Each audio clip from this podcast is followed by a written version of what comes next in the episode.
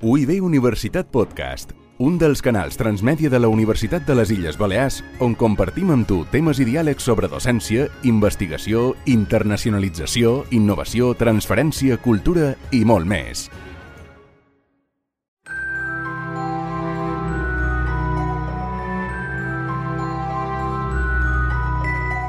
Continuem xerrant de ciència per a tothom i ara ho fem amb Marta Pons, màster en Enginyeria Industrial i investigadora contractada per la Càtedra Endesa Red d'Innovació Energètica de la UIB.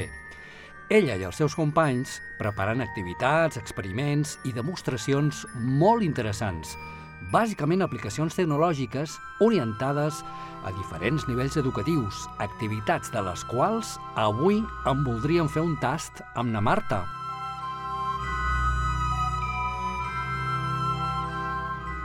Hola, Hola, Enric. com estàs? Il·lusionada amb la fira, que ja gairebé la tenim aquí?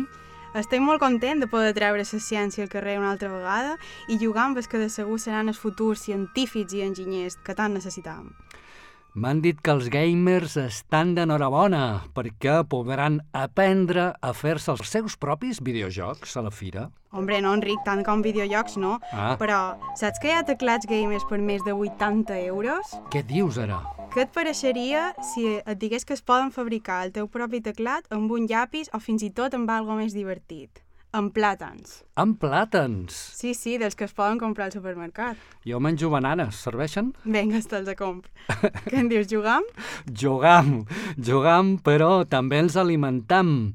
I és que si anem al mercat, també ens podem preparar els nostres propis experiments, no?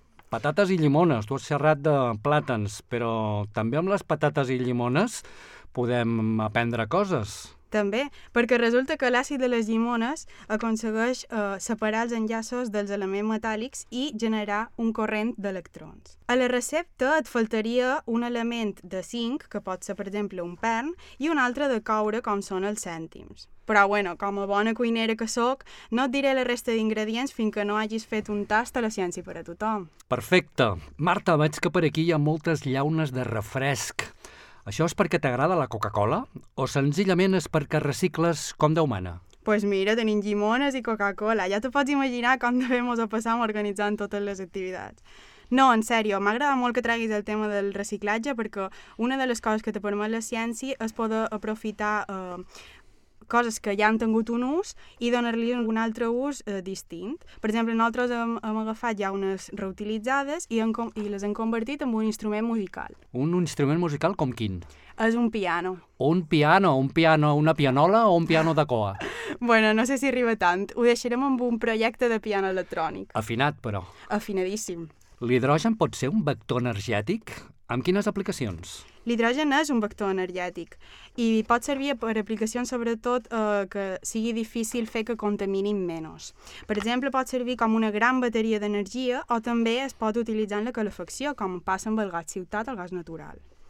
I per últim, eh, eh, pot servir en el transport, Transport com, per exemple, com per exemple el els vehicles d'hidrogen, com els que mostrarem... Un cotxe. El... Un cotxe d'hidrogen. però un cotxe de veritat o un cotxe petitó? Un cotxe que es pugui utilitzar sense carnet de conduir. Ah! ja m'agradaria a mi tenir un cotxe que anés amb, amb aigua. Ojalà. bueno, qui sap, a lo millor d'aquí poc serà una realitat.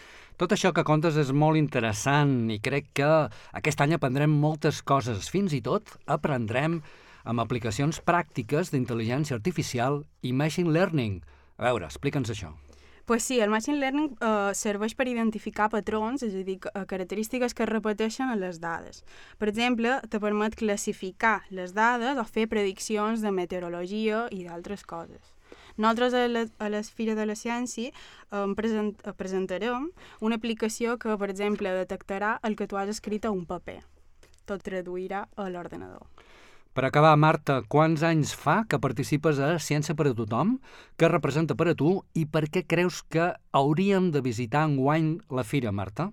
pues mira, amb aquesta ja van cinc. I jo des de l'experiència puc dir que la ciència per a tothom realment és necessària per a tothom. Els més petits pues, poden descobrir sa, la ciència que normalment no te deixen fer a casa, per seguretat, o agafar idees per després reproduir-la.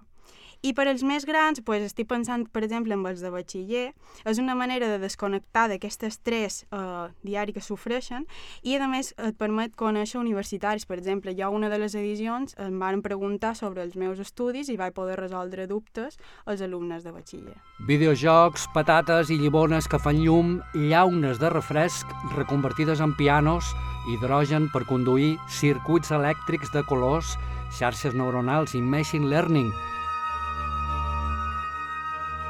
Ja ho veieu, tecnologia a l'abast de totes i tots. Tecnologia traduïda en experiments que serveixen per aprendre i per jugar. Ciència per a tothom, al campus de la UIB, els dies 12, 13 i 14 de maig. No us ho podeu perdre.